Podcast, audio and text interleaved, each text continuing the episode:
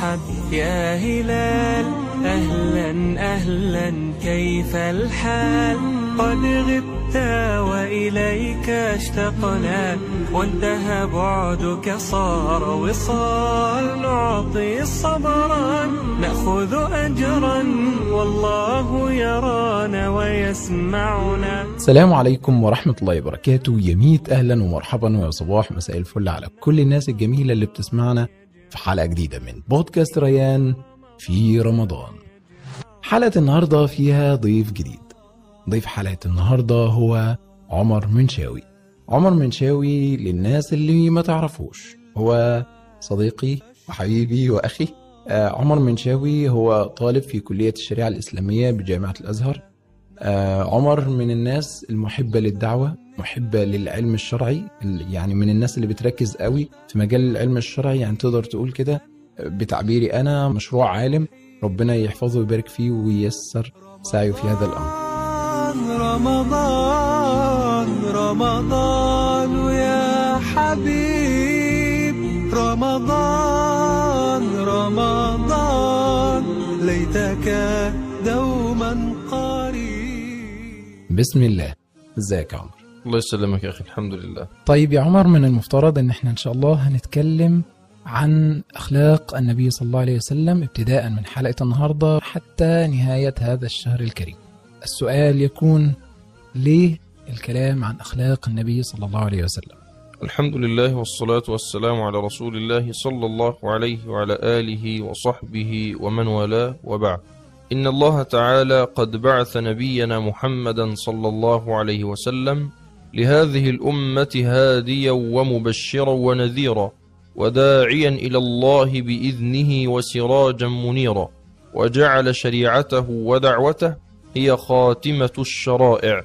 فاستوجب ختامه صلى الله عليه وسلم بعد هذه البركات المتتاليات من الله أن يكون هو الإمام وأن يكون هو الأسوة والقدوة عليه الصلاة والسلام إذ الله تعالى قال لقد كان لكم في رسول الله أسوة حسنة لمن كان يرجو الله واليوم الآخر وذكر الله كثيرا.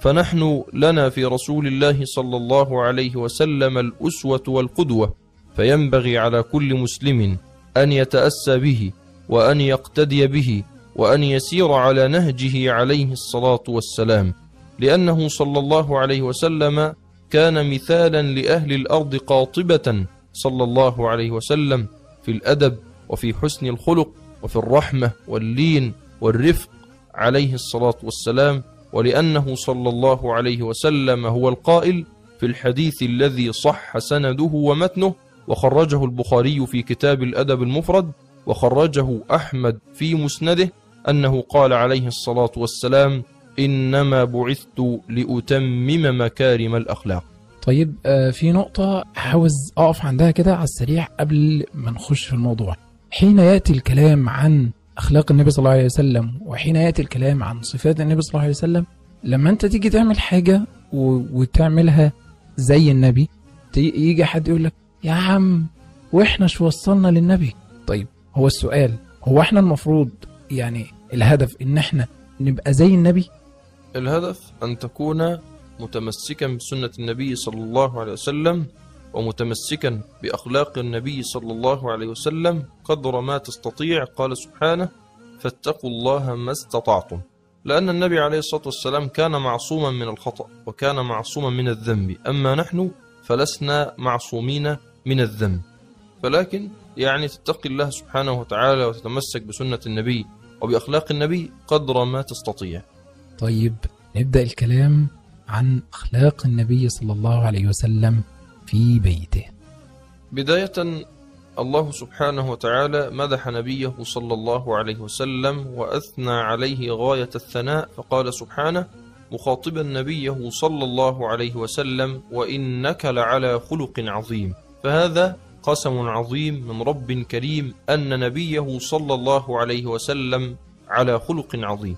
وأثنى الله عز وجل على نبيه صلى الله عليه وسلم بالرحمة واللين فقال تعالى وهو أصدق القائلين فبما رحمة من الله لنت لهم ولو كنت فظا غليظ القلب لانفضوا من حولك فاعف عنهم واستغفر لهم وشاورهم في الأمر فإذا عزمت فتوكل على الله إن الله يحب المتوكلين. حقيقة نبينا صلى الله عليه وسلم كان زوجا ونعم الزوج. فعن أخلاقه صلى الله عليه وسلم مع أهل بيته فحدث ولا حرج لدرجة أنه كان وفيا لأم المؤمنين خديجة في حياتها وبعد مماتها. نعم في حياتها وبعد مماتها عاش صلى الله عليه وسلم وفيا له. فبعد خمس سنين من موتها رضي الله تعالى عنها وأرضاها كان صلى الله عليه وسلم يذبح ذبيحة فيرسل أناس ويقول ابعثوا لهؤلاء فإنهم كانوا أحباب خديجة. بعد خمس سنين. سنين من موتها رضي الله تعالى عنها كان عليه الصلاة والسلام يرسل أناس ويقول ابعثوا لهؤلاء لحما فإنهم كانوا أحباب خديجة. يا الله. فهذا من وفائه صلى الله عليه وسلم مع أم المؤمنين خديجة حتى بعد مماتها رضي الله تعالى عنها. نبينا صلى الله عليه وسلم لما من الله عليه بفتح مكة بعدما طرد منها وأخرج منها وعاد إليها فاتحا منتصرا الناس كلهم ينتظرون الناس كلهم يصطفون لملاقاته عليه الصلاة والسلام عظماء الناس وكبراء الناس ينتظرون فعله صلى الله عليه وسلم وإذا بامرأة عجوز كبيرة في السن وهي التي يظهر عليها الحاجة والفاقة حينما رآها صلى الله عليه وسلم هش لها وبش لها ووقف معها وقتا طويلا حتى أن الصحابة قالوا من هذه يا رسول الله؟ فقال عليه الصلاة والسلام إنها كانت تأتينا أيام خديجة. يا الله. إنها من رائحة خديجة. يا الله. إنها من أحباب خديجة. إنها كانت تأتينا أيام خديجة. فكان صلى الله عليه وسلم زوجا ونعم الزوج. عاش وفيا لأم المؤمنين خديجة في حياتها وبعد مماتها. وها هي أم المؤمنين صفية إحدى زوجات النبي صلى الله عليه وسلم. النبي صلى الله عليه وسلم كان إذا خرج إلى غزوة كان يقترع بين نسائه. يعني يقترح كان يعني يعمل قرعة. تمام. بين نسائه. كان يقترع بين نسائه. فمن وقعت سهمها خرجت معه. صلى الله عليه وسلم. فوقع سهم أم المؤمنين صفي. فخرجت مع النبي صلى الله عليه وسلم ثم وقفت وهي تبكي وتلوم عليه عليه الصلاة والسلام وتقول يا رسول الله حملتني على بعيرا بطيئا فتأخرت عنك وهذا الوقت كله محسوب من يومها. وهي حزينة ألا تكون مع حبيبها وزوجها عليه الصلاة والسلام فتقول يا رسول الله وهي تبكي وتلوم عليه عليه الصلاة والسلام حملتني على بعير بطيء فينظر إليها صلى الله عليه وسلم وهو يتبسم صلى الله عليه وسلم ويرضيها ويسكتها بالكلام الطيب عليه الصلاة والسلام. بل وكان صلى الله عليه وسلم لا يعيب طعام إحداهن قط إذا اشتهاه أكله وإلا تركه. وهذا من باب مراعاة شعور الغير. كان يراعي مشاعر الناس وأحاسيسهم عليه الصلاة والسلام.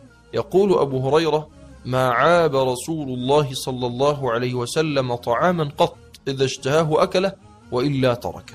أما الآن تجد الرجل إذا دخل بيته ووجد الطعام غير الذي يشتهيه وغير الذي يحبه تقوم الدنيا ولا تقعد. يخربها. نعم نعم يسب ويلعن.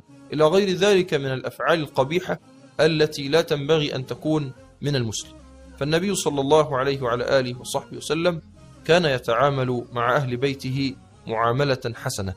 كان يتعامل معهن بحسن الخلق عليه الصلاة وأزكى السلام. وحب المصطفى في القلب ساكن. الله الله. وحبه أولى من كل الأماكن. الله الله. وحب المصطفى في القلب ساكن. الله الله. وحبه أولى من كل الأماكن. الله الله. ذنوب العبد تهلكه ولكن.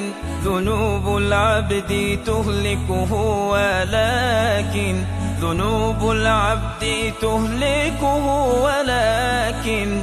نرجو بحبنا له نجاة رحمة قصص النبي صلى الله عليه وسلم مع نسائه أنا بالنسبة لي يعني عارف اللي هو دي دي حالة لوحدها. الكلام عن النبي صلى الله عليه وسلم مع السيدة صفية الكلام عن النبي صلى الله عليه وسلم مع السيدة خديجة الكلام عن النبي صلى الله عليه وسلم مع السيدة عائشة هذا حوار آخر. نعم. يعني النبي صلى الله عليه وسلم أذكر جيدا هذا الحديث. لما جاءه سيدنا عمرو بن العاص قال يا رسول الله من أحب الناس إليك؟ قال عائشة. كده نعم. فحدثني عن عائشة. عائشة رضي الله تعالى عنها وأرضاها هي التي قالت لما سئلت عن أخلاق النبي صلى الله عليه وسلم قالت كان خلقه القرآن. كان قرآنا يمشي على الأرض يغضب لغضبه ويرضى لرضاه. عائشة رضي الله تعالى عنها وأرضاها هي التي قالت ما ضرب رسول الله صلى الله عليه وسلم شيئا بيده قط ولا امرأة ولا خادما عليه الصلاة والسلام. عائشة رضي الله تعالى عنها وأرضاها رحم النبي صلى الله عليه وسلم صغر سنها ففي يوم من الأيام وجد النبي صلى الله عليه وسلم الأطفال يلعبون في المسجد فحملها النبي صلى الله عليه وسلم على عاتقه لكي ترى هؤلاء الأطفال وهم يلعبون لأنه كان يرحم صغارها رضي الله تعالى عنها وأرضاها. يا الله مجرد إن إحنا بنسمع تفاصيل زي ديت عن حياة النبي صلى الله عليه وسلم وعن تعامل النبي صلى الله عليه وسلم مع زوجاته يعني ده بيفتح في دماغنا بحر من الأسئلة التي لا تتوقف. يعني إحنا بس كده يا دوبك عدينا بس على السريع كده على بعض تفاصيل من حياة النبي صلى الله عليه وسلم مع زوجاته. فكرة إن إحنا بقى نعود إلى أول حاجة قلناها في الحلقة لو أنت فاكر معي أول حاجة قلناها لقد كان لكم في رسول الله أسوة حسنة. فإحنا بنتكلم عشان نتعلم من النبي.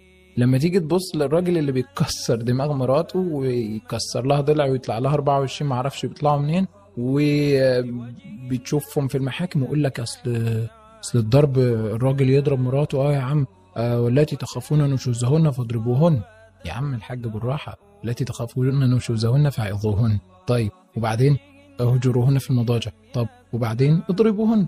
والضرب ده اللي هو يعني في في شروط كتيرة جدا يعني لا, لا يتسع المقام لذكرها. القصد إن أنت تمشي ورا النبي صلى الله عليه وسلم وتشوف النبي صلى الله عليه وسلم إزاي كان بيعامل زوجاته. فإحنا لسه ما شبعناش من الكلام عن النبي صلى الله عليه وسلم ولكن يعني إن شاء الله في الحلقات اللي جاية نتكلم عن تعامل النبي صلى الله عليه وسلم مع الصحابة. تعامل النبي صلى الله عليه وسلم مع الكفار. تعامل النبي صلى الله عليه وسلم مع الخدم والعبيد. رحلة طيبة جدا. إن شاء الله نستمتع بها ونستفيد منها جميعا. ونحن ننظر إلى النبي صلى الله عليه وسلم ونرى كيف عاملهم. وإلى هنا يكون الختام. نراكم على خير. السلام عليكم. رحمة رحمة رحمة سيدنا النبي رحمة